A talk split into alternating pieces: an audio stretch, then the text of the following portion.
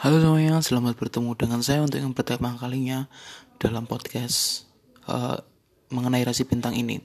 Ya, dengan judul Crux. Crux adalah sebuah rasi bintang terkecil di antara 88 rasi bintang modern, tetapi juga salah satu yang paling terkenal. Di berbagai belahan bumi, rasi bintang ini umumnya dikenal sebagai salib selatan atau Southern Cross berlawanan dengan Cygnus, salib utara. Nah, dalam tradisi Nusantara ini, rasi bintang ini dikenal luas karena bentuknya yang khas. Orang Jawa maupun Bugis mengenal rasi bintang ini sebagai gubuk atau rumah miring. Dalam bahasa Jawa, gubuk penceng. Tetapi dalam bahasa Bugis, bola kepang atau boyang kepang. Nah, di Jawa juga disebut sebagai lintang lumbung karena kemunculannya di langit timur di awal malam menandakan saat saatnya mengisi lumbung karena bersamaan dengan musim panen rendeng. Nama lain yang dipakai orang Bugis adalah Tobalu atau janda.